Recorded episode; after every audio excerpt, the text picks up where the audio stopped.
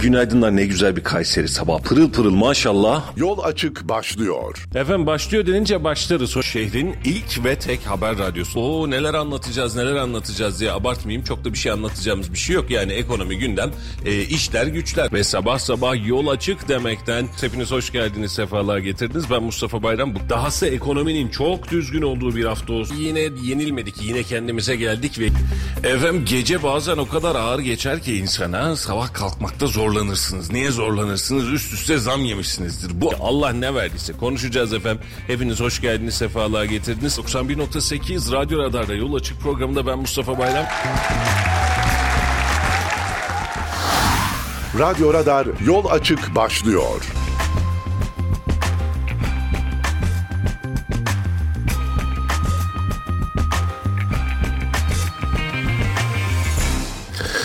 Efendim 91.8 Radyo Radar'dan herkese hayırlı sabahlar ve günaydınlar diliyoruz. Tam bahar havası kıvamında günlük güneşlik bir havada bir Kayseri sabahından hepinize merhabalar. Trafik an itibariyle bir miktar yoğun. Muhtemelen dün okul yoktu. Bugün yeniden okul ve telaş başlayınca hepsi bir arada. Ya da bize öyle mi geldi acaba bilmiyorum ama Kartal Kavşağı, Talas Bulvarı, Hulusi Akar Bulvarı dahil olmak üzere NATO Caddesi dahil olmak üzere tıkanık demiyorum. Akıcı yoğun bir trafik var.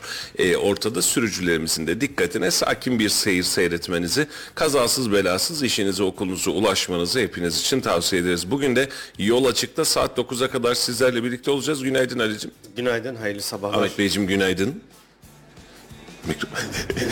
Mikrofonu sonradan açıyor filan öyle Biliyorum kalır. sabah, niye diyorum bu kadar e, yol kalabalık diye bir taraftan düşünüyordum. Tabii dün e, Okul okulların yoktu. tatil olduğu aklımdan çıkmış. Sabah dedim ya ne oluyor İstanbul muyuz? Köprü girişi mi ne oldu? Boğaz Köprüsü. Baz, baz, baz, bazen unutuyoruz böyle yeniden trafiği görünce de e, özellikle 8'e yakın saatleri itibariyle yoğunluk yaşanıyor. Biz birazcık erken gelirsek e, ofise, e, radyoya tamam rahat ediyoruz böyle rahat bir trafikte geliyoruz ama saat 8 itibariyle artık okulların da açılma kapanma saatlerine yaklaşıyor. E, çalışanlar işlerine hadi çocuğu da okula bırakalım oradan girelim derken bir süre daha yoğunluk çekeceğiz gibi ne zamana kadar yaklaşık olarak bunun içinde iki Ulan ne haftalık ve vaktimiz bitiyor? kaldı. Tam iki Ya, haftamız kaldı. 16'sında mıydı? Aynen 16 öyle. Ee, 16 Haziran'da 3 haftamız kalmış. Bu haftayı da sayarsak 3 hafta kalıyor. 16 Haziran itibariyle okullar kapandığı tarihten sonra da Kayseri'nin sabah trafiğinde de rahat bir trafik havası yaşıyoruz. Yani hani diyor ya işte e, neydi? Öğrenciler olması milli eğitim aslında çok kolay bir iş diye. E, okullar olması aslında trafik çok kolay bir iş ama var efendim bir de okulumuz var. Okullar sebebiyle de bir miktar zorlanıyoruz. Hemen kısacık bir para piyasası turu yapayım izninle.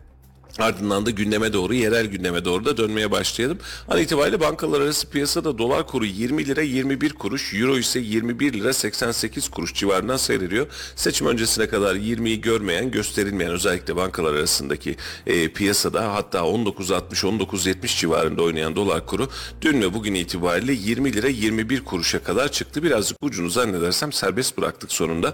Altın ons fiyatında ise ciddi bir düşüş var. 2000 dolarları geçecek 2300 dolarlar seviyesinde diye düşündüğümüz altın şu an itibariyle 1938 dolar civarında da işlem görüyor. Bu yatırımcı için altın yatırımcısı için bazen bir kaçış bazen de yeni altın yatırımcısı için bir fırsat olabilir. Peki serbest piyasa ne olmuş? 20 lira 19 kuruş e, dolar e, bankalar arası piyasadayken bunun otomatik olarak 21 küsür 22'ler civarında serbest piyasa yansımasını bekleriz. Seçim öncesinde böyleydi çünkü. Ama şu an itibariyle orada da bir toparlanma hareketi var. Ee, serbest piyasa fiyatı artmasına rağmen çok özür diliyorum bankalar arası piyasa artmasına rağmen serbest fiyatı, piyasa fiyatı bir o kadar artmıyor. Şu an itibariyle 20 lira 98 kuruş doların satış fiyatı ki akşamdan sabah bir miktar yükseldi. Ee, Euro ise 22 lira 41 kuruştan işlem görüyor. Aradaki makası serbest piyasayla bankalar arası piyasa makasını bir miktar daha daraltıyoruz. Ekonomi normalleşiyor herhalde seçim modundan çıktık öyle gösteriyor. Altın ons fiyatındaki düşüşe rağmen şu an itibariyle 22 e, pardon gram altın 1374 liradan çeyrek altın ise bir 2280 liradan işlem görüyor. Efendim neler görmedi ki bu altın 2550-2600 lirayı gör, 600 lira görmüştü ilk turun sonrası hemen öncesindeki günde. Şu gün itibariyle ise 2280 liradan çeyrek altın işlem görüyor. Vatandaşımızın bilgisine ne olur diye soranlara inanın şu dakika itibariyle şöyle olur diyebilmek herhalde bir miktar zor. Mesela dün beklenti gerçekleşti e, ve Borsa İstanbul %4.1'lik bir artışla kapattı. Borsa için bir günde %4 önemli bir rakamdır. Yani böyle her gün görülebilecek bir rakam değildir ki uzun zamandır düşüşten sonra. E, dün akşam e, Cumhurbaşkanı Recep Tayyip Erdoğan'ın Mehmet Şimşek'le bir görüşmesi oldu görmüştündür. E, açık- görüşme sonrası bir açıklama yok zannedersem değil mi? yapılmadı ama kulis bilgilerine göre gayet olumlu geçtiğine dair e, haberler var. Bir de İbrahim Kalın'ın bir açıklaması olmuştu. Bakan olur mu olmaz mı bilmem ama ekonomiye her zaman için destek verecek gibi Demişti. bir açıklaması vardı. Bugün itibariyle bunun da bu açıklamanın da piyasaya çok ciddi olumlu yansıyacağını tahmin ediyorum. Aslında Tayyip Bey de e, Sayın Nebati'nin ışıl ışıl bakan gözleriyle bu işi çözemediğimizi herhalde anlamış olsa gerek ki bunun yoğunluğunu da e, yaşıyoruz ve şu an Mehmet Şimşek'in adının geçmesi dahi başka bir atmosfer, başka bir hava oluşturuyor sanki ben öyle hissediyorum. Mehmet Şimşek e, ülkedeki en ideal kısım mıdır, en ideal yönetici midir bilmem ama geçmişinde yönettiği için ve geçmişinde daha bilimsel mantıkla yönetmiş olduğu için daha sağlıklı bir süreç elde edeceğimizi biliyoruz. Biliyoruz. Ne yaptığını, ne yapacağını Yani yoksa biliyoruz. şimdi şurada Halil İbrahim Öztürk diye biri vardır. Misal olarak veriyorum bunu. Belki çok çok daha yönetecektir ama ülke bilmediği için, kamuoyu bilmediği için gelebilecek biriyle alakalı tepki, ne yapacak acaba bunun beklentisi ama bir taraftan da işin içinden çıkmış, işin yönetimini bilen bir insan var. Cumhurbaşkanına laf geçirebilen, söz geçirebilen bir insan var. Bu kısım da önemli. Ee, bunun için Mehmet Şimşek e, fikrinin konuşulması ve detaylandırılması bence e, piyasayı e, heyecanlandıracak ve e, özellikle e, bu cuma günü itibariyle Bakanlar Kurulu'nun açılması bekleniyor. Yani Bakanlar Kurulu'nun belli olması bekleniyor. Yüksek Seçim Kurulu'nun e, 1 Haziran'da- netliğini verdikten sonra Net bugün ayın 30'u zaten netliğini verdikten sonra 3 gün içerisinde yemin töreni ve hal böyle olunca cuma günü itibariyle bugün eğer netlik verirse cuma günü itibariyle hem yemin törenleri hem de kabinenin açıklanması bekleniyor. Eğer bu olacak olursa cuma olur, cumartesi olur. Artık Türkiye yeni dönemde kimlerle nasıl yönetileceğini, yol yürüyeceğini de hep beraber görmüş olacak. Hatta bir taraftan Efkan Ala'nın da e, adı geçiyor. Biliyorsun yine o e, 2010 döneminde e, ekonominin en parlak olarak kabul ettiğimiz dönemde birlikte yol almışlardı. Şimdi konuşulan şu.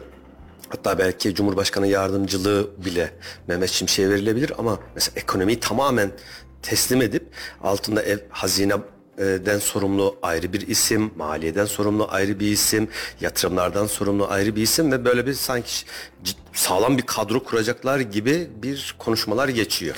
Valla umarım kurarlar gerçekten e, şeye döndü. Yani e, yırtılan tüfekçi Bekir'in yakası oldu. Çok uzun zamandan beri aynı sancıyı çek çek çek. Şu dakika itibariyle e, önceliğimiz ekonomi ardından afetle alakalı oluşturulabilecek bir bakanlık ve mümkünse de göçle alakalı oluşturulabilecek bir süreç. Yani göç fazlalıklarının gönderilmesi, e, göçün düzenlenmesi, gelen mültecilerin yeniden tamam yine onurlu bir mantıkta ki bunu her zaman savunduk biliyorsun. Yeniden gönderilmesi bir sonraki seçimde bu seçimde en çok gol yediği AK Parti'nin Cumhurbaşkanı Recep Tayyip Erdoğan'ın en çok gol yediği, en çok e, naif kaldığı, en çok e, zarar gördüğü diyelim seçim sattığındaki yerdi. Bu alanların toparlanması otomatik olarak Aa, tamam mem- memlekette bir şeyler düzeliyor algısını ve önümüzdeki 5 yılda daha rahat nasıl yönetilebilecek algısını e, belki de e, daha rahat göstermiş olacak ve vatandaşın da elini kolunu e, ağzını dilini rahatlatacak, muhalefeti de rahatlatacak, iktidarı da Zaten, rahatlatacak. e, Tayyip Erdoğan da benzer bir açıklamayı yaptı. E, yemin töreninden sonra hükümet tekrar yeni dönemi başladıktan sonra birinci önceliğimiz dedi enflasyon, hayat pahalılığı ve e, mülteciler konusu diye özellikle birinci önceliğimiz diye açıklamalarını yaptı. Aynen öyle. Dünden beri aslında en büyük açıklamayı iktidardan değil muhalefet kanadından bekliyoruz. Hadi ne oldu ne olacak diye değerlendirme toplantıları zannedersem bitmiyor. E, CHP'de e, kurmaylar bir araya geliyor. İstifa edelim diyor o gün akşam itibariyle gelen kulis bilgileri. istifa edelim katkısı olmuş. Bu e, ne bir şey demiş e, Sayın Kılıçdaroğlu. E, aslında doğru bir şey MYK söylemiş. üyeleri istifa edelim, toplu istifa edelim, yeni yönetimle devam edin demiş.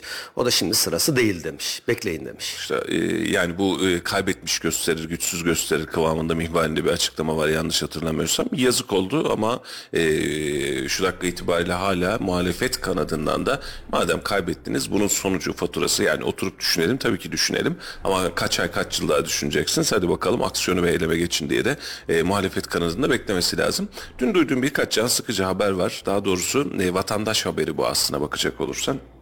Şimdi e, insanlar diğer tarafa oy kullandı diye birbirlerine küsme kararı alan, ailesiyle görüşmeme kararı alan bir kitle oluşmuş. E, bunu da çok yani özel bir kulis bu. Herkese genelleme olarak söylemiyorum. Gerçekten çok zorlayıcı, çok kutuplaştırıcı yaşadığımız hayatın bir başka etkisi. E, yeniden, yeniden, yeniden belki binlerce kez daha söylememiz gerekiyor. Efendim bu bir seçimdi. Ortada sandık vardı. Eğer karşı tarafın seçilmemesini istiyorsanız o sandığı ortaya koymayacaksınız. Bunun adına demokrasi demeyeceksiniz. Krallığınızı ilan edeceksiniz, yürüyüp gideceksiniz. Ama demokrasiyle yönetiliyorsanız insanlar aday olurlar, birileri de onlara oy verirler. Bu oy verdi diye onların kabahati, memleketin geleceği vesaire demenin de bir anlamı yok. Bu anlamda da üzülüyorum. Ee, vatandaşları bu kadar kutuplaştırmadan daha rahat, daha kendi içerimizde, daha böyle tatlı tatlı, kıvamlı kıvamlı e, gitmek lazım diye düşünüyorum. Vatandaşlarımızı bu anlamda e, komşu olmaya, arkadaş olmaya, dost olmaya ve yeniden %48 ile %52'yi barıştırmanın çabasına düşmeye özellikle tavsiye ediyorum. Şimdi her iki taraf aslında bir diğerinden oy alabilme çalışmalarını yapması lazım. Şimdi CHP ya da Millet İttifakı üzerinde ama özellikle de CHP tarafından bir nerelerde hata yaptı diye bir düşünmek lazım. Öncelikle kendileri bir e, çek etmeleri lazım. Bir Atatürkçü çizgiden ve ulusalcı kimlikten e, biraz uzaklaştılar mı? Uzaklaştılar. Ekonomiyi çok fazla ön plana çıkardılar. Mültecilere karşı tabiri caizse hani düşmanca demeyeyim ama daha sert eylemler yaptılar. Bir taraftan da karşı taraf özellikle şimdi e, yuka- yukarıdan demiyorum ama sosyal medyada çok fazla bir şekilde karşı tarafı cahillikle suçlamalar hat safhaya çıktı. E, 14 Mayıs'tan sonra özellikle deprem bölgesiyle alakalı paylaşımlar derken şimdi e, tamam yüzde 48 aldın ama bu sadece senin CHP ya da Kılıçdaroğlu özelinde değil. Bunun içinde çok fazla bileşen var. E, aynı şey Tayyip Erdoğan için de geçerli. Ama ağırlık olarak baktığın zaman yine Tayyip Erdoğan'ın e, AK Partisi'nin çok daha önde olduğunu, en yakın rakibine neredeyse 10 puan 12 puan fark attığını görüyoruz.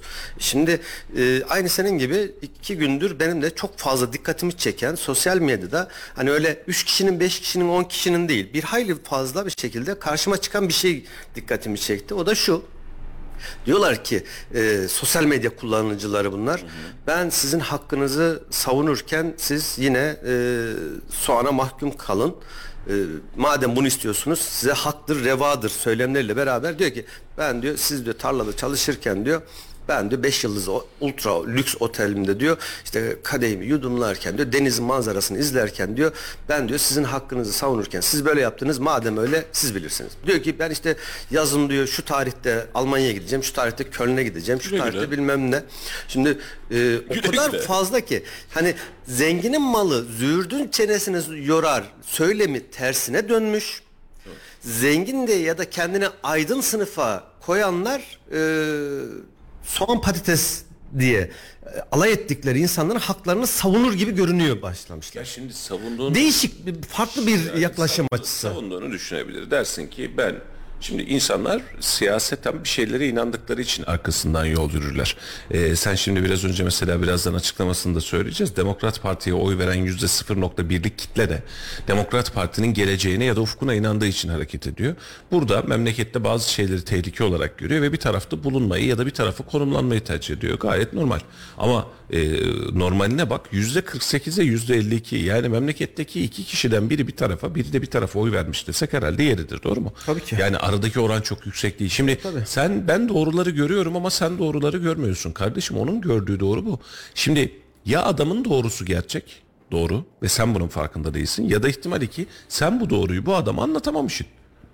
Yani bu siyaseten meydanlarda ya da sosyal medyada dün Şaban Çopuroğlu yayın konuğumuz akşamüstü biliyorsun onunla da benzerini konuştuk. Yani seçim sadece sosyal medyadan gitmiyor. Seçimin bir de gerçek sattı var.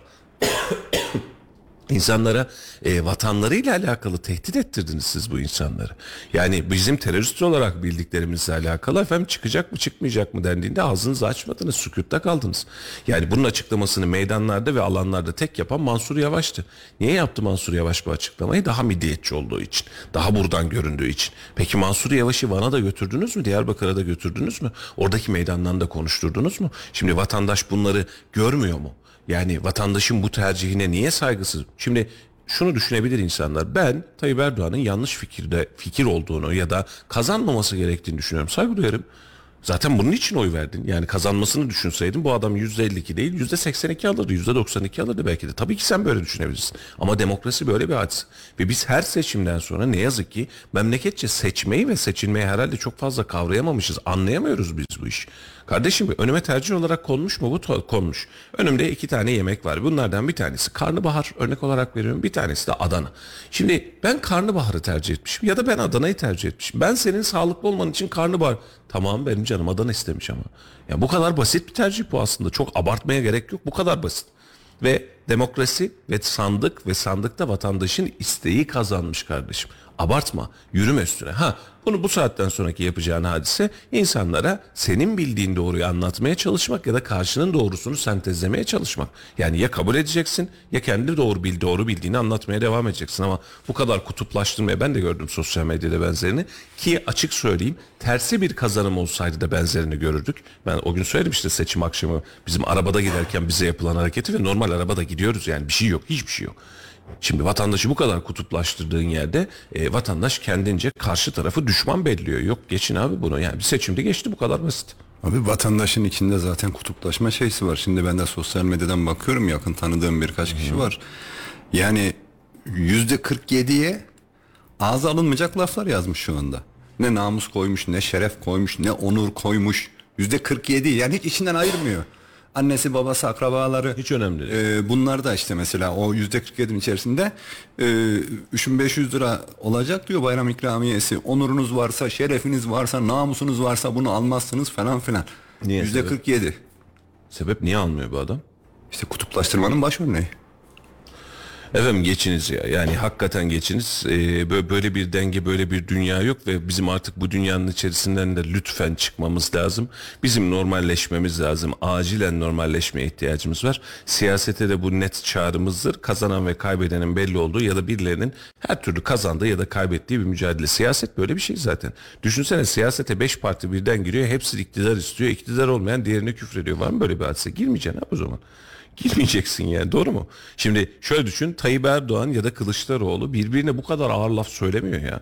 Vatandaş zıvanadan çıktı. Yani oldu, olmadı, bu olmadı, siz böyle yaptınız, sizin yüzünüzden görürsünüz. Şimdi insanlar diyor ki, efendim ekonomik olarak biz bunu seçim öncesinde de konuştuk. Ekonomik olarak zorlu bir süreç bekliyor. Bak sıkıntılarımız var vesaire diyoruz. Şu anda da hükümet biraz önce aslında onu konuştuk. Hükümet de diyor ki, durumun farkındayız Mehmet Şimşek'le görüşüyoruz diyor. Bunun olmuyor diyor.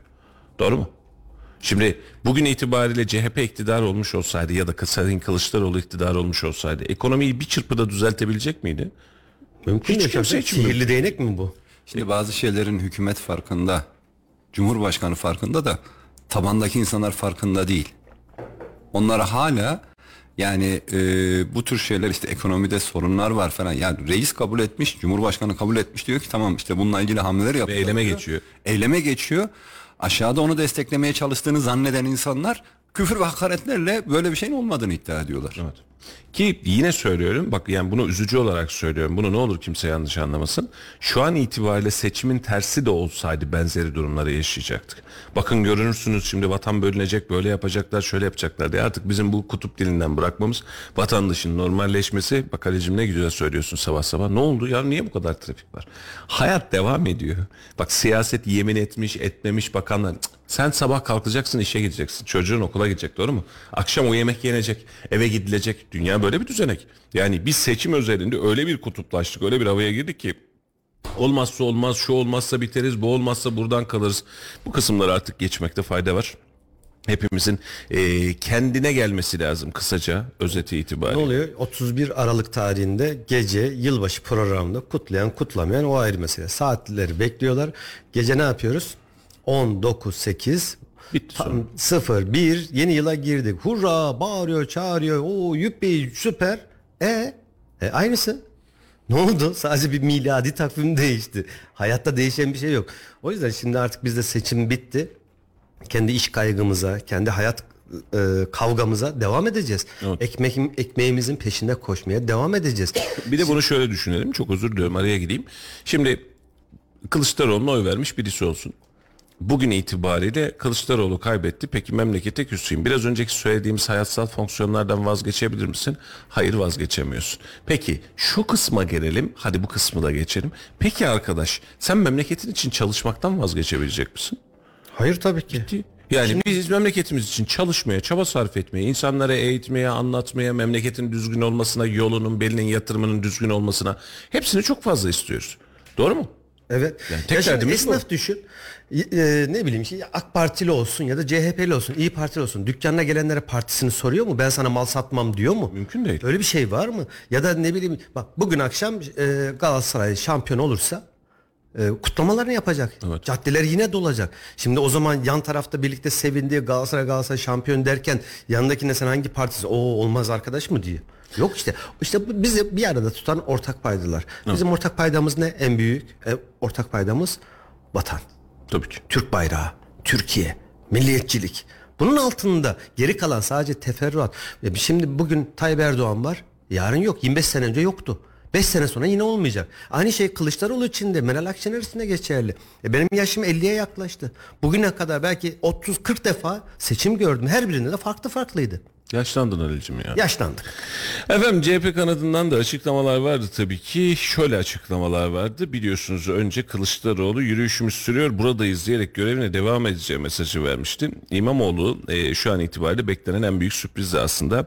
E, video paylaşımı yapan İmamoğlu sosyal medya hesabından değişmeyen tek şey değişimdir dedi İmamoğlu. Sevgili çocuklar sakın ama sakın üzülmeyin. Sevgili gençler sakın ama sakın umutsuzluğa asla kapılmayın. Hanımefendiler asla tedirgin olmayın. Beyefendiler başınız dik yürümeye devam edin. Kimse endişe etmesin. Her şey yeniden başlıyor. Değişmeyen tek şey değişimdir demiş. Aslında şu an itibariyle CHP kulislerinde en çok konuşulan isimlerden bir tanesi Ekrem İmamoğlu. Şu an itibariyle e, Kemal Kılıçdaroğlu'nu eğer liderlikten alacaksan kim en popüler, kim en fazla burada durur? Muht muhtemelen bu isimlerden bir tanesi İmamoğlu olacak. İmamoğlu nasıl bir yöneticidir bilmiyoruz. Yani hani bir e, maestro takım oluşturur mu, partiyi sürükler mi, körükler mi, başka bir şey yapar mı bilmiyoruz ama şu an itibariyle e, kulislerde mantıklı bunu çok çok fazlasıyla konuşuyor. Hmm, Mansur Yavaş'ın ismi ufak geçti ama gerek geldiği köken itibariyle biliyorsun MHP tabanlıdır Mansur Bey. Gerekse yaşı itibariyle çok da sıcak değil. Ekrem İmamoğlu en çok konuşulan isimlerden. Ee, olur mu diye işte dün akşam basın masasında da aynısını konuştuk. Olur mu acaba? Ben CHP'de değişimin çok rahat olacağını böyle e, Sayın Kılıçdaroğlu'nun buyurun deyip altın tepsinin içerisinde buyur Ekrem'cim artık görev senindir filan diyeceğini zannetmiyorum. CHP çünkü hiçbir zaman için böyle değişmedi. Yani e, en son değişimi hatırlayın. E, Deniz Baykal Kemal Kılıçdaroğlu değişiminde Deniz Baykal bırakmak zorunda kaldı. Kaset hadisesi sebebiyle bırakmak zorunda kaldığı için Kemal Kılıçdaroğlu geldi. Ee, ara dönemlerdeki Deniz Baykal döneminde de bu var. Kılıçdaroğlu döneminde de var. Kurultaya gidilir. Kurultaylarda bir bakarsın adaylar çıkar. Adaylar genelde o kurultayda silinir. Bir sonraki kurultayda zaten o partinin içerisinde olmaz. Durum böyle gelişti. Ee, CHP'li arkadaşlar e, partiyi toparlar mı bilmem ama CHP yeniden Türkiye Partisi olma yoluna dönmek zorunda. Ana muhalefet partisi diyorsun. Yeniden Türkiye Partisi olmalı. Ekrem İmamoğlu'nun biraz önceki söylediğin açıklaması da bana çok saçma geliyor. Yani her iki kişiden biri böyle başı önde yerlere yatmış falan sürüne öyle bir durum yok abi. Bu Seçim geçti gitti yani. Bu akıllı siyasetçi mantıklı. jargonu. Ya akıllı Yani- mantıklı insanlar verdi oyunu. Sıkmayın canınızı. Değişmeyen tek şey değişim başınızı dik İşte tutun. başınızı dik tutun işte üzülmeyin şöyle oldu. Ya kimsenin dünyası tepesine yıkılmadı. Kendine yıkıldı o ayrı mesele. yani ke- herkes kendi gibi zannediyor ya karşısındaki. Ama siyasetçi öyle gitmiyor işte iş. Ben mesela e, dün vardı İstanbul'da metroda gördün mü o görüntüleri? Sosyal medyada Ağlayan bayağı kadın ağlayan kadın. Saçma Şimdi, sapan ya bir saçma da ama bak insanların halet ruhiyesinde var. Şimdi dün AK Partililerle beraberdik mazbata töreni. Şimdi orada gençler var. Seçim döneminde hiçbir resmi vasfı olmasına rağmen böyle canhıraş bir şekilde mücadele etmiş. Bu insanlar kaybederse ağlar. Bu insanlar kaybederse üzülür. Şimdi seçim tek başına Ekrem İmamoğlu'nun kazandığı, kaybettiği bir hadise değil. Bir teşkilat var altında. Ve bu teşkilatın çalışarak kazandığı ya da kaybettiği düşünülen bir seçim var. Bunun için de e, siyasetçinin kendi tabanına üzülmeyin biz buradayız devam ediyoruz mesajı normal. Hani ama tersini düşünelim. O ağlayan kadın normal mi? Üzüldüm ben. Kadıncağızı üzüldüm gerçekten. Yani sanki böyle uzaydan biri gelmiş. Böyle çok özür diliyorum. Birisi ona bir tacizde bulunmuş filan gibi gerek yok efendim. O da bir Türkiye Cumhuriyeti vatandaşı.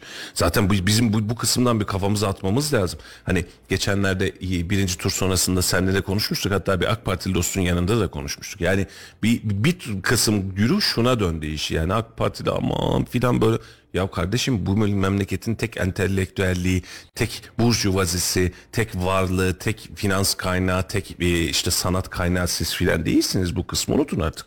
Yani bu, bu memleketin %50'si AK Parti'ye verdiyse AK Parti'nin içerisinde de aklı başında insan da var, cahil insan da var. Doğru mu? Köylüsü de var, kentlisi de var.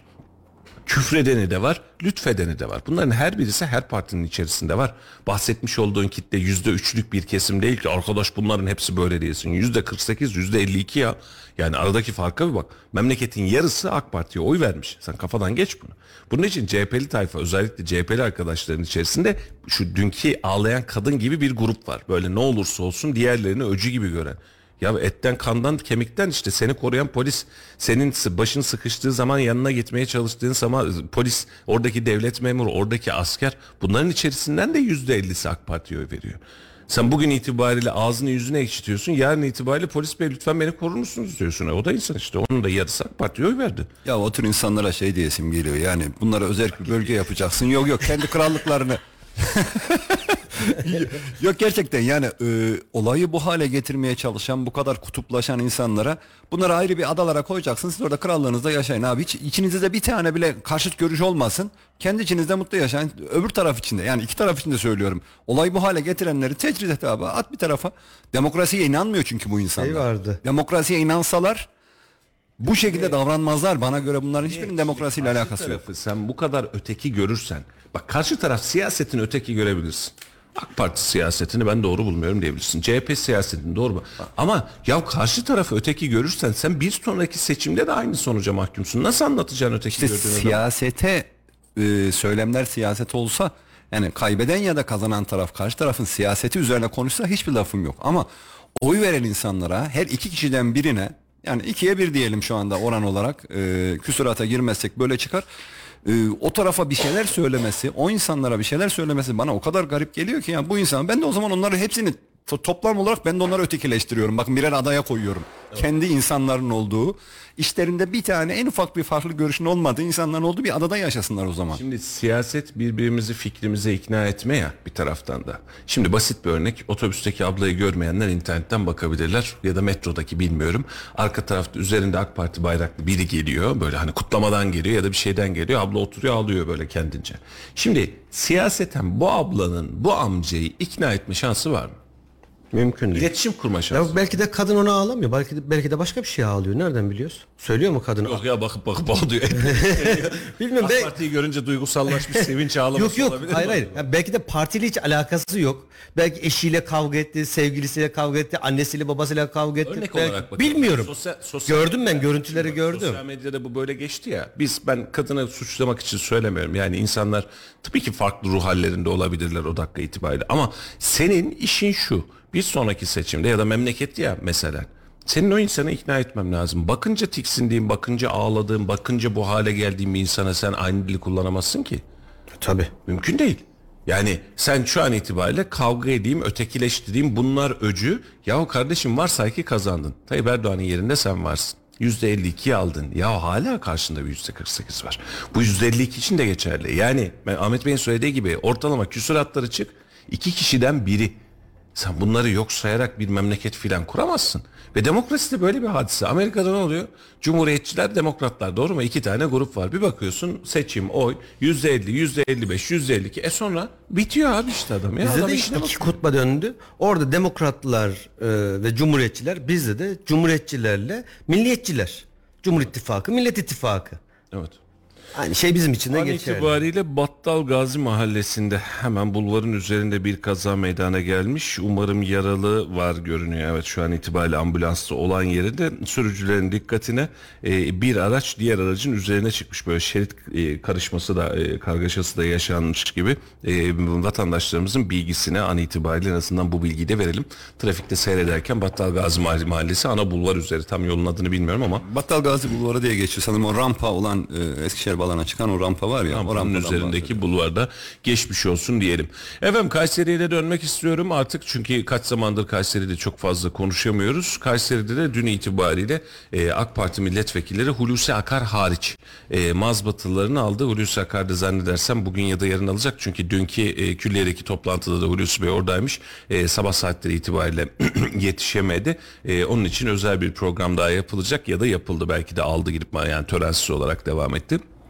Dün mazbatalar alındı. Seçimden önceki dönemde Milliyetçi Hareket Partisi, CHP ve İyi Parti'nin ve aslında Saadet Partisi'nin de mazbata törenleri gerçekleştirilmişti. Mazbatayı alıp e, mazbatayı alıp yemin ettiği tarih itibariyle de yani önümüzdeki 2-3 gün içerisinde milletvekilliği süreçleri de vekillerin başlamış oluyor. Memlekete hayırlı olsun. 10 tane e, vekilimiz var. 10 tane vekilin içerisinden 7 tanesini yeniledik. Bunların 5 tanesi AK Parti'den tamamıyla e, yenilemiş olduk. Pardon 6 tanesini yeniledik. Bir tane de CHP'nin ikinci sırasından e, listeye giren ve seçilen Mahmut Arıkan yeni yüzler. E, Dursun Ataş, e, İsmail Özdemir ve Baki Ersoy'da yenilemediğimiz bir önceki dönemden e, kalan milletvekillerimiz onlu yeni bir takım oluşmuş oldu. Seçilmiş vekillerden ilk canlı yayınımızı dün e, Sayın Şaban Çopuroğlu'yla yaptık. İstersen bunun üzerine de konuşalım. Tabii ki.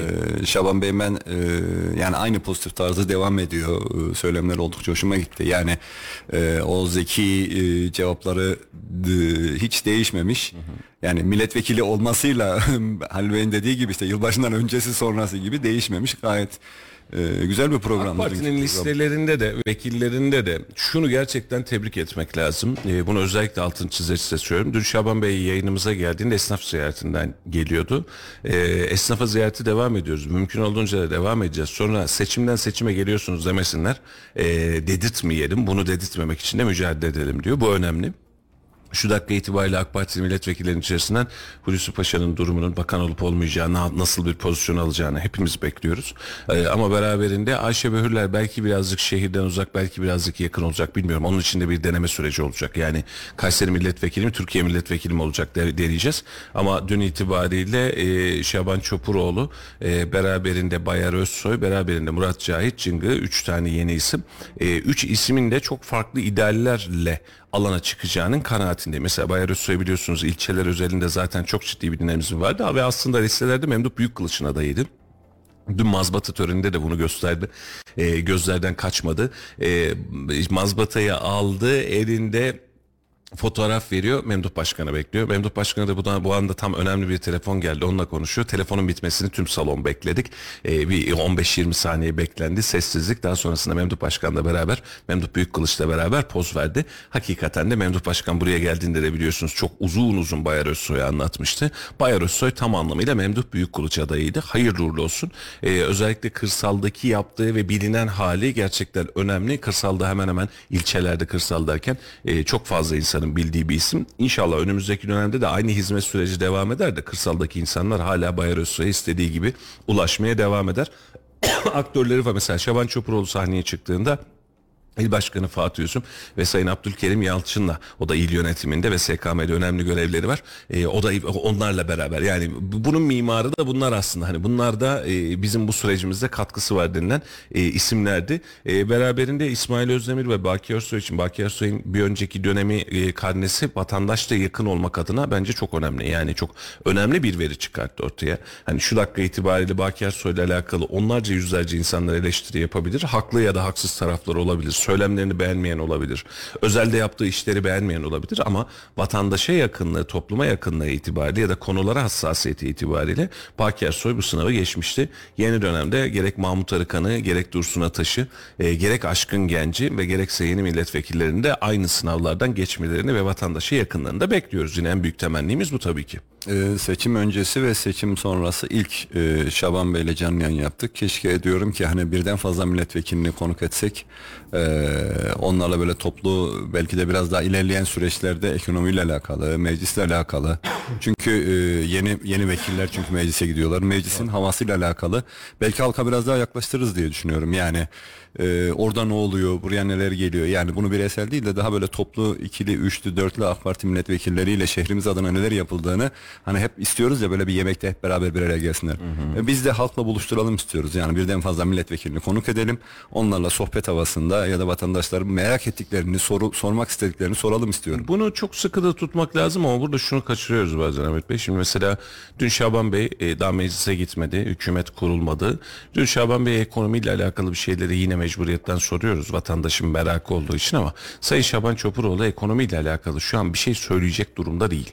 Sadece ülkenin ya da Cumhurbaşkanı'nın genel politikalarını söyler. Ama yarın bir gün Plan Bütçe Komisyonu'nda Şaban Çopuroğlu varsa, Baki Ersoy varsa bunu onunla konuşmak biraz daha nitelikli olacak. Dün bir tanesi soru sormuştu hatırlıyorsun. Vaatleriniz nelerdir diye. Efendim insanlar milletvekili olunca size vaat vermez mesela. Size köprü yapacağım, şuraya da kaldırım yapacağım. Bu belediye başkanı vaadidir. Milletvekili olunca daha ülke gündemiyle alakalı ve şehrin takibiyle alakalıdır ki Şaban Bey buna da aslında açıklık geçirdi. İlk gündemimiz hızlı tren dedi. Yani o kadar fazla konuştuk. Şu an hiç problemimiz kalmadı. Hızlı tren üzerinde hızlanmaya devam edeceğiz. İşte havalimanının e, şeyi, e, terminal alanı vesaire vesaire diye devam etti. Ama biz hala bazı noktalarda karıştırıyoruz. Ama şu anlamda seninle hemfikirim.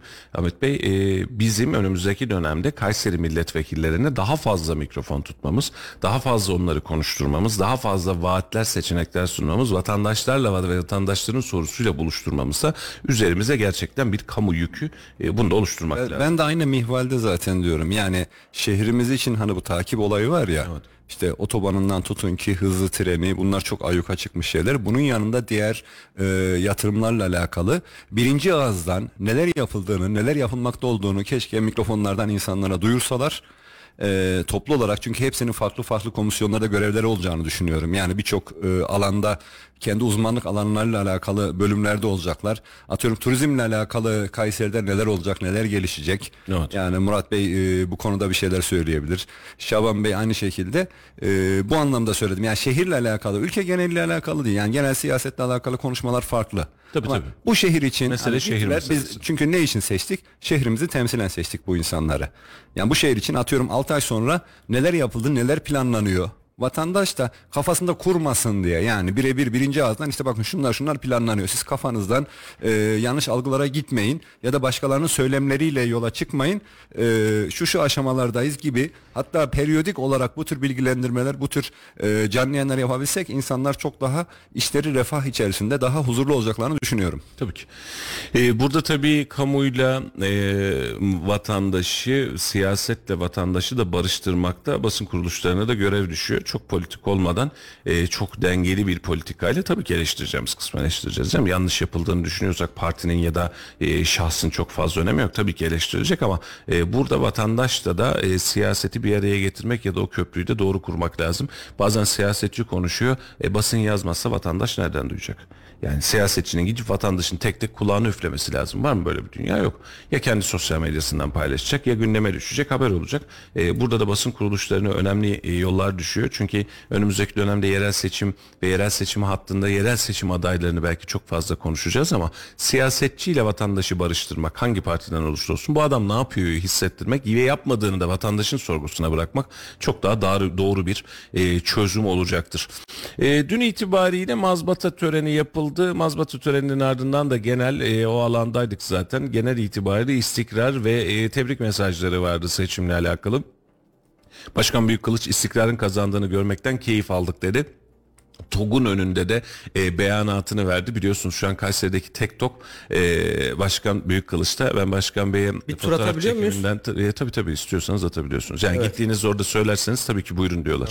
Bunu ciddi söylüyorum. Vatandaş için de söylüyorum. Ben de va- valla gayet ciddiyim bir e, bir 5 dakika 10 dakika bir keyfini almak isterim. Görevli abimiz yani bizi de tanıyor. Abi buyur filan dedi yok dedim yani. Emanetin canı e, arkasında olur. Yani ben o riske girmeyeyim ne olur ne Ben, olmaz. ben kullanma taraftarıyım. Bir onun tadını görmek istiyorum. Ama o dün itibariyle şimdi yaşamak istiyorum. TOG önünde e, fotoğraf çekiliyor. Başkan Bey dedim ki başkan bir mazbatada bu hak etmiyorum dedim. Nasıl yani dedi. İşte en çok o gezdi dedim ya yani. Meydan meydan TOG gezdi. Hakikaten TOK önemli bir seçim malzemesiydi. Önemli bir seçim yatırımıydı da aslında. Ama seçimlik bir yatırım değildi. Bak seçim yatırımıydı ama seçimlik bir yatırım değildi. Ee, dün aracın içine de şöyle bir bakma imkanım oldu. Yani güzel böyle çok güzel elektronik panel. Nasıl oluyor dedim. Bak abi buradan sürüklüyorsun. E-Devlet'i buraya atıyorsun. E pat dedi burada ön göğüste böyle şeyden alt monitörden atıyorsun. İnternete mi giriyor? Ee, var var internet var.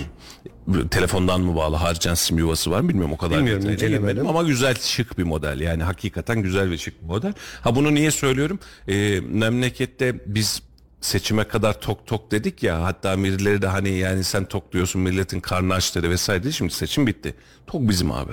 Seçim bitmeden önce de bizim. Bu memleketin ya. Bunun içinde o kadar fazla aslında TOG'un seçim döneminde biliyorsun jandarma arabası oldu Soylu'nun önünde gitti makam arabası oldu varank bindi ama önemli bir malzeme var ortada.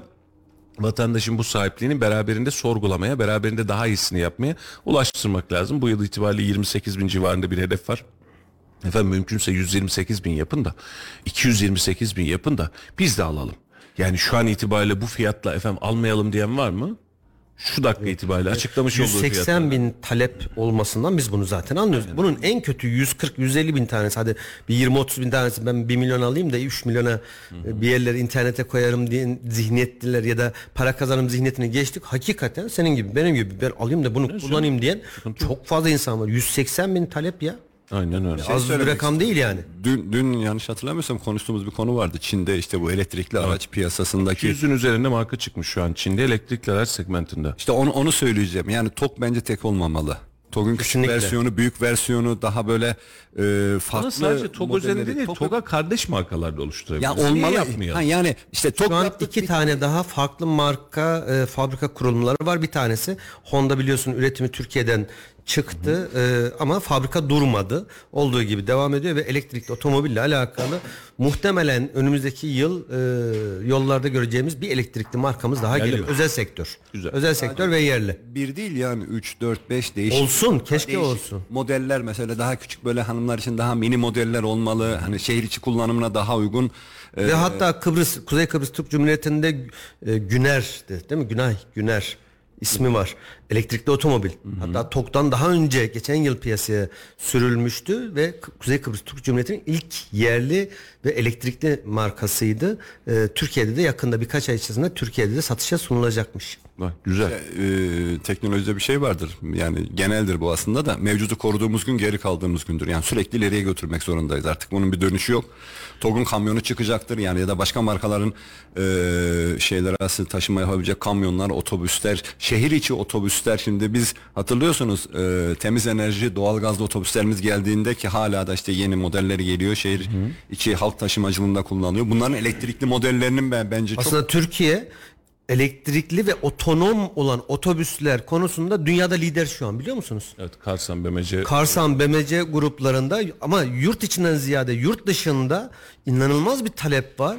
Elektrikli koca otobüs ve TOK'tan çok daha önce 2 yıl 3 yıl öncesinde çıktı ve inanılmaz bir şekilde şoförsüz gidiyor şehir içinde yolcu alıyor yolcu bindiriyor ve şoförsüz. şoförsüz olmasın. Bizim burada o sıkıntı olur da. Tamam şoförlü olsun bizdeki ama bile kullanamıyorum. yani böyle bir teknolojimiz var ve bizim bizim bir an önce artık e, geleceğin teknolojisi elektrikli otomobiller mi otomobil konusunda söylediğin gibi Çin'de 200 tane farklı marka ve her birinin ikişer üçer tane versiyonu bir bakıyorsun 300-500 tane versiyon.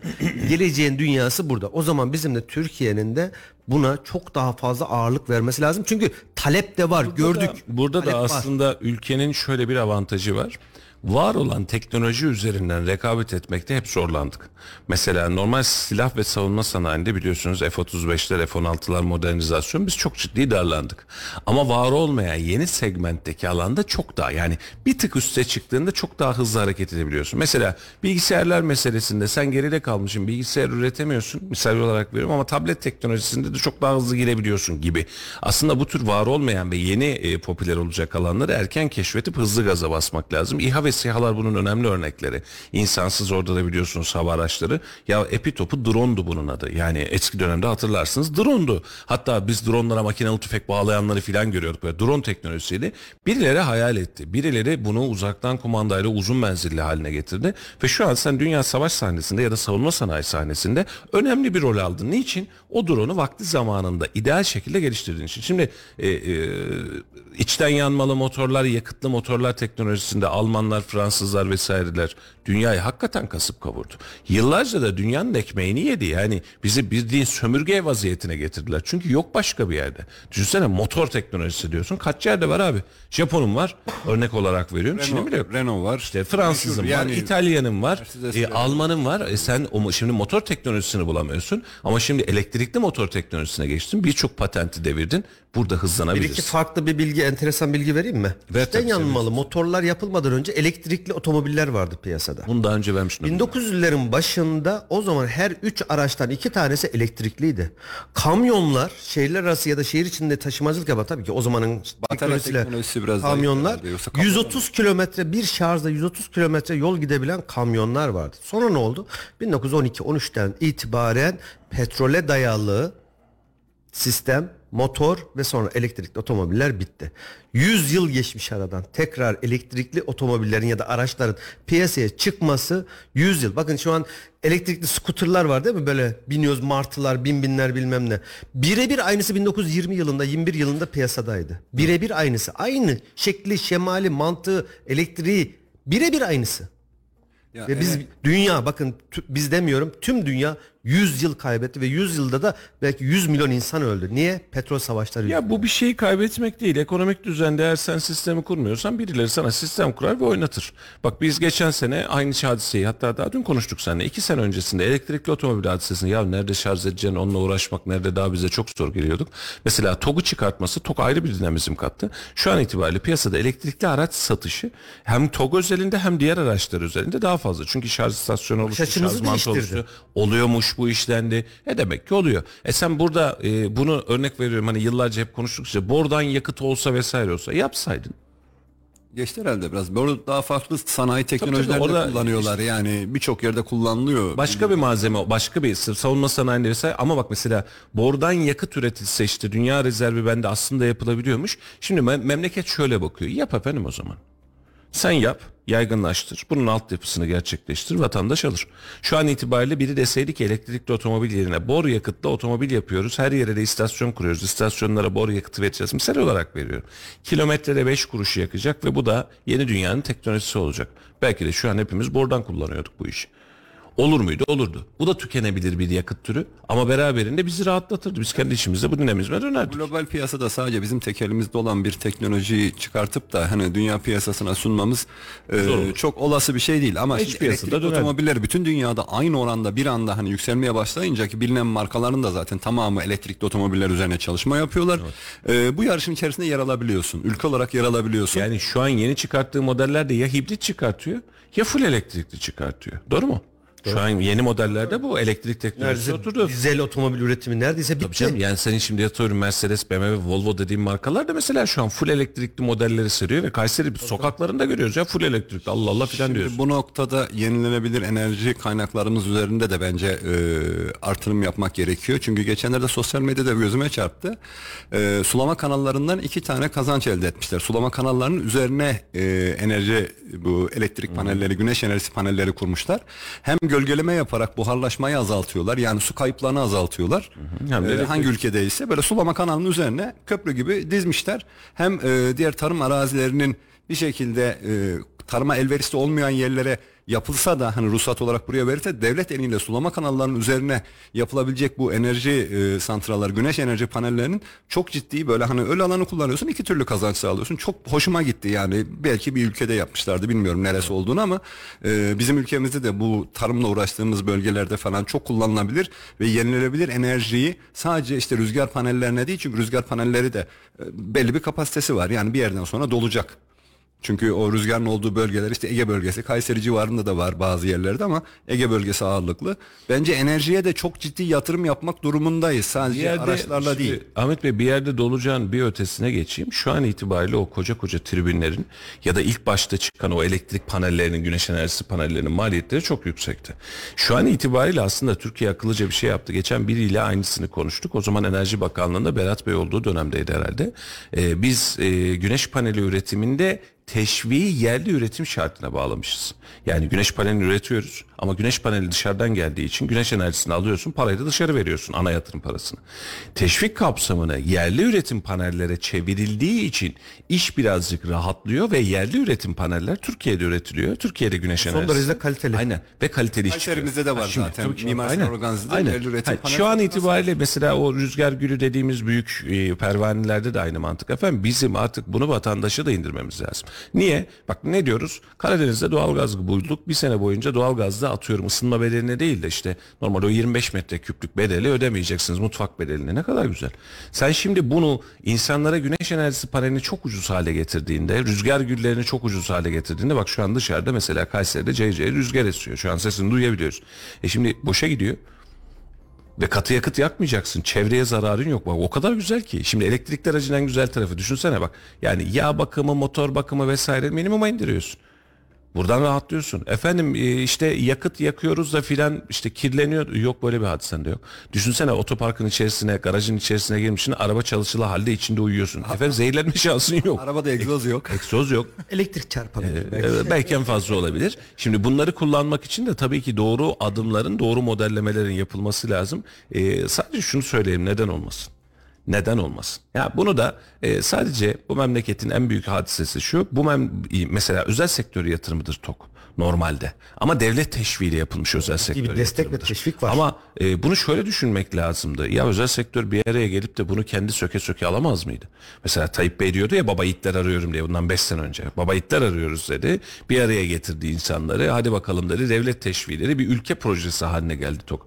E, tersini düşünelim. Kayseri'den 10 tane iş adamı çıksa. Bakan beylerin ya da Cumhurbaşkanı'nın karşısına gitse.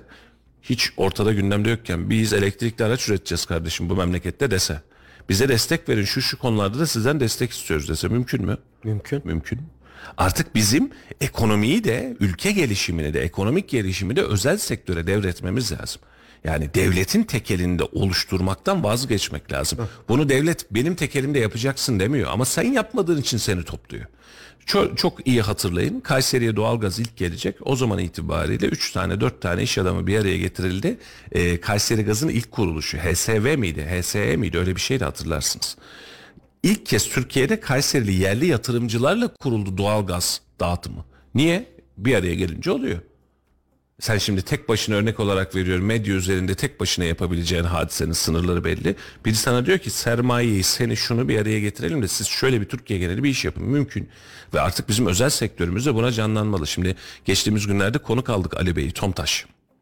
E, Yönetim Kurulu Başkanı. Tomtaş Kayseri'deki ilk uçak fabrikasının ismi. Yeniden canlandırıldı şimdi. Hatta bununla alakalı da önemli çalışmalar yapılıyor. Efendim mümkün mü? Mümkün. Devlet şu an destek veriyor mu? Veriyor. Alan bile ayarlıyor. Yeter ki siz yapın diyor. Çünkü niye sen uçak yapmaktan, uçak için yan sanayi yapmaktan bahsediyorsun? Metotları var, bilimi var, ilimi var. Aselsan Yönetim Kurulu üyesi gelmişti buraya hatırlıyorsunuz yayında. Onlarla da konuştuk aynı hadiseyi. Mümkün.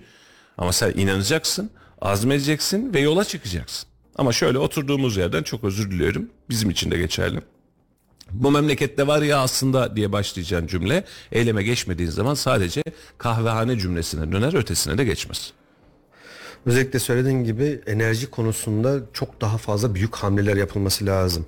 Güneş enerjisi, rüzgar enerjisi, hidroelektrik enerjisi üzerinde ya öyle bir memlekette yaşıyoruz ki ya Rabbimin bize bahşettiği dünya üzerindeki en güzel coğrafyalardan bir tanesindeyiz. Ha başımızda dertten kurtulmuyor aslında bu yüzden de zaten. Evet. Her şey var.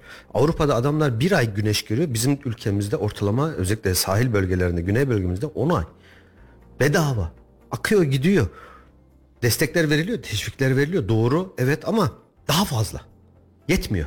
Daha fazla. Vallahi yetmiyor değil. Vatandaşın da bu anlamda aydınlanması lazım. Bugün aynı hadiseyi düşünün. Şimdi radyo vericilerinde ciddi ciddi elektrik maliyetleri üretiyoruz. Bir sürü de radyo istasyonu var. Şimdi yan tarafındaki arsayı alsak, e, kamuda destek verse bize desek ya tamam işte trafonuz vesaireniz biz de size destek verelim. Efendim ciddi ciddi verdiğin elektrik maliyetini sıfıra indirebilirsin. Oraya Er- ufak bir Erciyes güneş tarlası. bölgesinde kaç tane verici var? 20 an hiç 30 tane var. Bilmiyorum sayısını bilmiyorum. 30 bizim. Veysel bilir. Ay- aylık ortalama en az elektrik maliyeti o 30 tane vericinin hadi 20 diyelim 30 diyelim. En az 140-150 bin lira var mı aylık? Var. Rahat var. Yılda 2 milyon TL gibi bir rakama tekamül ediyor mu bu? Sadece vericilerden bahsediyoruz. Peki burada belediyemizde ön ayak olsa buradan da çağrıda bulunsak. Orada boş alanlarda bir sürü. Hadi arkadaş siz de elinizin altına Şimdi bunu belediyeden beklemeyelim. Şimdi bak burada yaptığımız yanlış hadise bu. ya biz de bir araya gelelim. Bir şey yapalım Şimdi yani. bu işin rentabilitesini, maliyetini, dengesini oluşturursun. Bu işin neresi var? Radyocular nereye bağlı? Örnek veriyorum Kayseri Gazeteciler Cemiyeti'ne ya da RATEM'e. RATEM çıkar ortaya ya da Gazeteciler Cemiyeti ile beraber bir proje yapılır. Fizibilitesi çıkartılır. Daha sonra neye ihtiyacım var? Efendim burada trafo yokmuş. Trafoya ihtiyacımız var. Burada arsanın işte imar izninin değişmesi lazımmış. Belediye meclisine ihtiyacım var. Burada paraya ihtiyaç var. İşte teşviği alalım da bunu kredile işte bir kooperatif kurun. Bunun her biri modellenir. Ama biz şöyle bekliyoruz. Bak işte zaten sıkıntımız burada. Şimdi eee projeyi hazırla.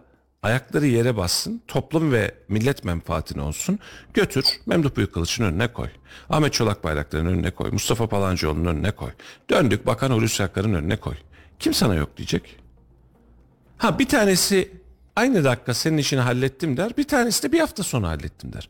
Birinden sonuç alamadın mı diğerine git. Vali Bey'e git, kaymakama git, tarım ormana git, durumu anlat. Yani bak biraz önce bir şey söylüyorsun ya yıllık 2 milyon 3 milyon sadece elektrik maliyeti sadece bizim radyodaki sesimizi vatandaşa ulaştırmak için Kayseri üzerinde harcamış olduğumuz maliyet. Bedava indirilir mi?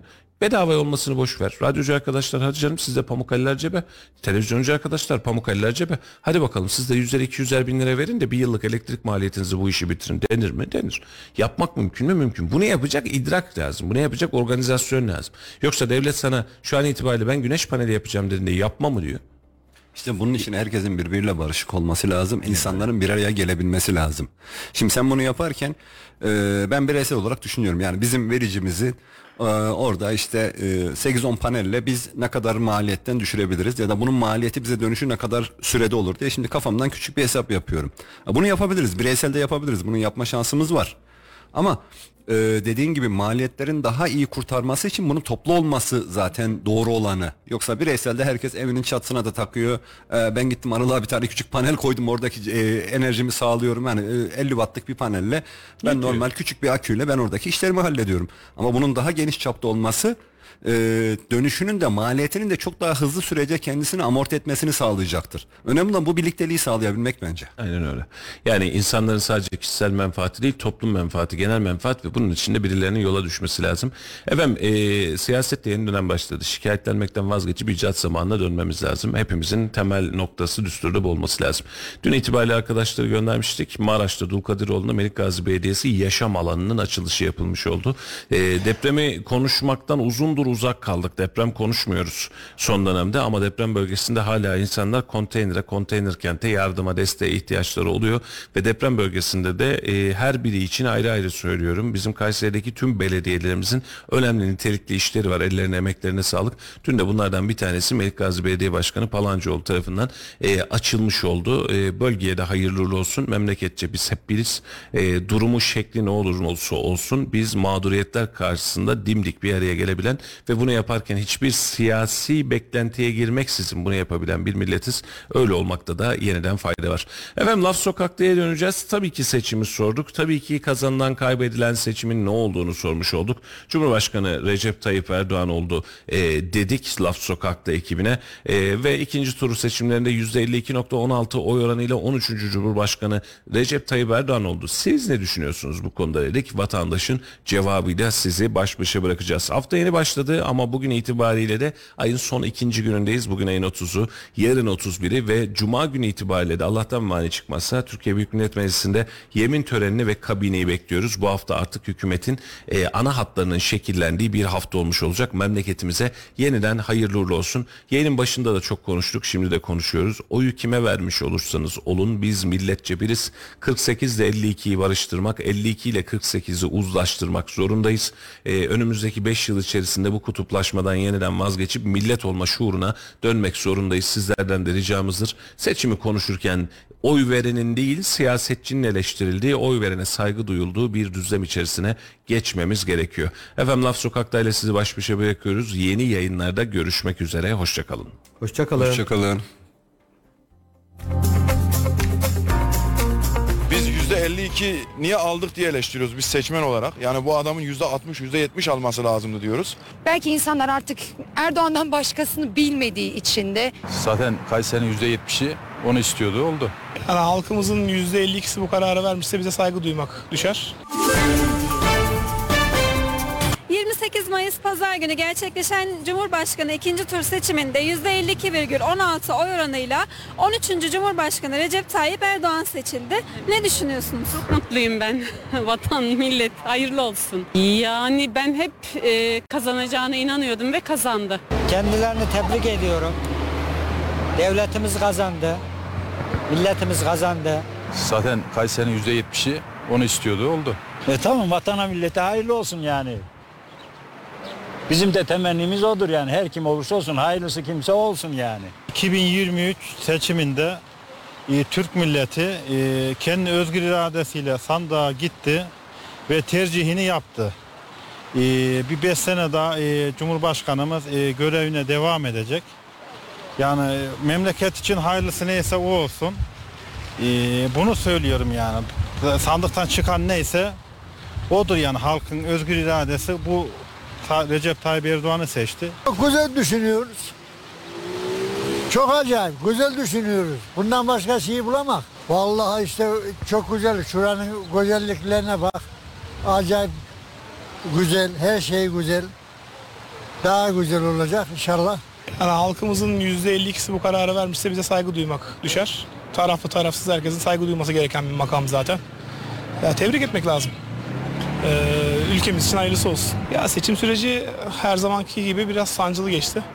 Ee, sadece şeye üzüldüm. Yani bizde şey var. Türk milletinde parti tutar gibi takım tutma alışkanlığı var. Dün mesela akşam ben Adana'da yaşıyorum. Konvoylar, sıkılan silahlar, hangi taraf kazanırsa kazansın bunu yaşayacaktık ama ya bu bize şunu gösteriyor. Yani bugün ülkemizin geleceği hakkında bir karar verdikten sonra bile diğer tarafa nispet yapar gibi konvoy yapmak her iki taraf için de kim kazanırsa kazansın. Hoş değil. Umarım önümüzdeki günlerde bunları yaşamayız. Allah geçmiş olsun Türkiye. Vatandaş kendi tabutunu kendi hazırladı. Bu kadar basit. Seçim süreci bayağı ben bu seçimlerde oyun olduğunu düşünüyorum. Ve binlerce veya bir milyon kişi üzerinde de e, göçmenlerin Suriyeli ve Afganlıların Türk vatandaşı olarak oy kullandığını kabullenemiyorum. Vatana, millete, Türkiye'mize öncelikle hayırlar getirmesini diliyorum. Tebrik ediyorum kendisine.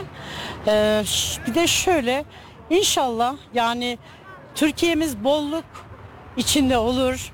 İnsanlar artık vitrin gibi bakıp geçmezler. Tezgahlarımız dolu ama mi, bizim insanlarımızın midesi boş. Onun için alamadıklarından tezgahlarımız dolu. Ee, Bir de şöyle söyleyeyim. Ee, Deminki abinin dediği gibi evet Suriyeliler buradan misafir geldikleri gibi gidecekler. Bizim vatandaşımız bile onların yüzünden işçilerimiz, emekçilerimiz, alın terini döken hatta hatta öğrencilerimiz bile çalışıyor şu ortamda. Yani haklarının yendiğini düşünüyorum. Buna da Cumhurbaşkanımız herhalde artık yolunu açar bunları gönderir. İkincisi benim hakkımda benim Türkiye Cumhuriyeti'min hakkında karar veremez. Kesinlikle. Oy kullanmamaları lazımdı. ben oyumu vermedim. AK Parti'ye oyumu vermedim. Ben çok doğru bir karar olduğunu da hani düşünmüyorum. Her şey aslında bu kadar ortadayken de eee, ne bileyim yeniliğe açık olmalı gerekiyor bence insanlar. Maalesef o da olmadı. Ee, ilk turdaki oyumuz zaten Sinan Oğanay'dı aslında. Gene AK Parti'ye vermedik, CHP'ye de vermedik ama ee, ne bileyim hayırlısı olsun. Seçildi yani yapacak hiçbir şey yok. Vatana millete hayırlı uğurlu olsun. İkinci tura kalacağını ben zaten tahmin ediyordum, biliyordum da. Ama ee, biraz Sinan Oğan'dan kaynaklı biz beklemediğimiz bir süreç yaşadık açıkçası. Sıkı da takip ettik.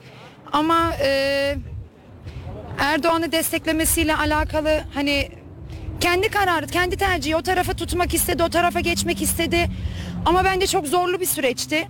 Ama insanların sadece bence en büyük sorunu dediğim gibi yeniliğe açık olmamasıydı.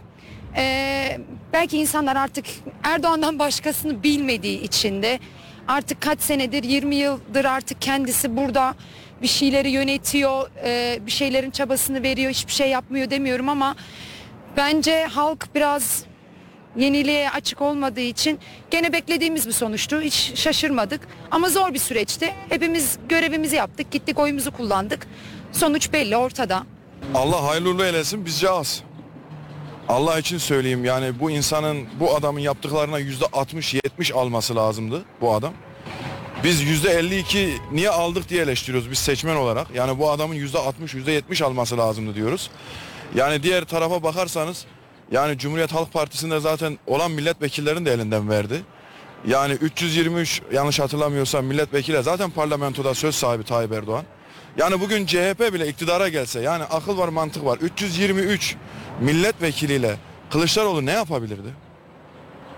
Yani seçimi zaten birinci turda zaten Tayyip Erdoğan kazandı. Ayrıca da vatanımıza milletimize hayırlı olsun. Yani Allah için e, şöyle bir bakmak lazım. Bir geriye çekilip e, Hazreti Ali'nin bir sözü var.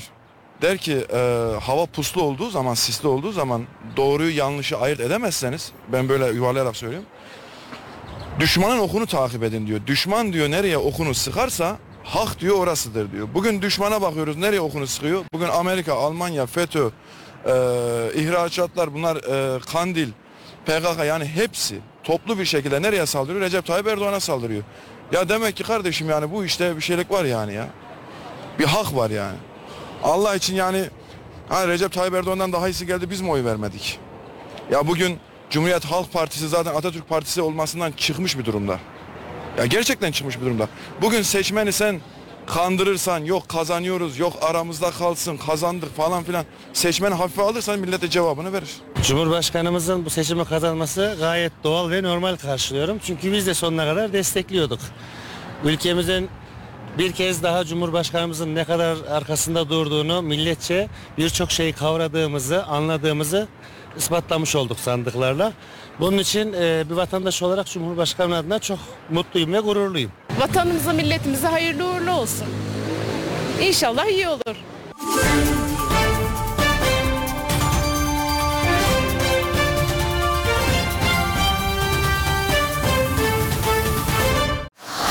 Radyo Radar yol açık sona erdi.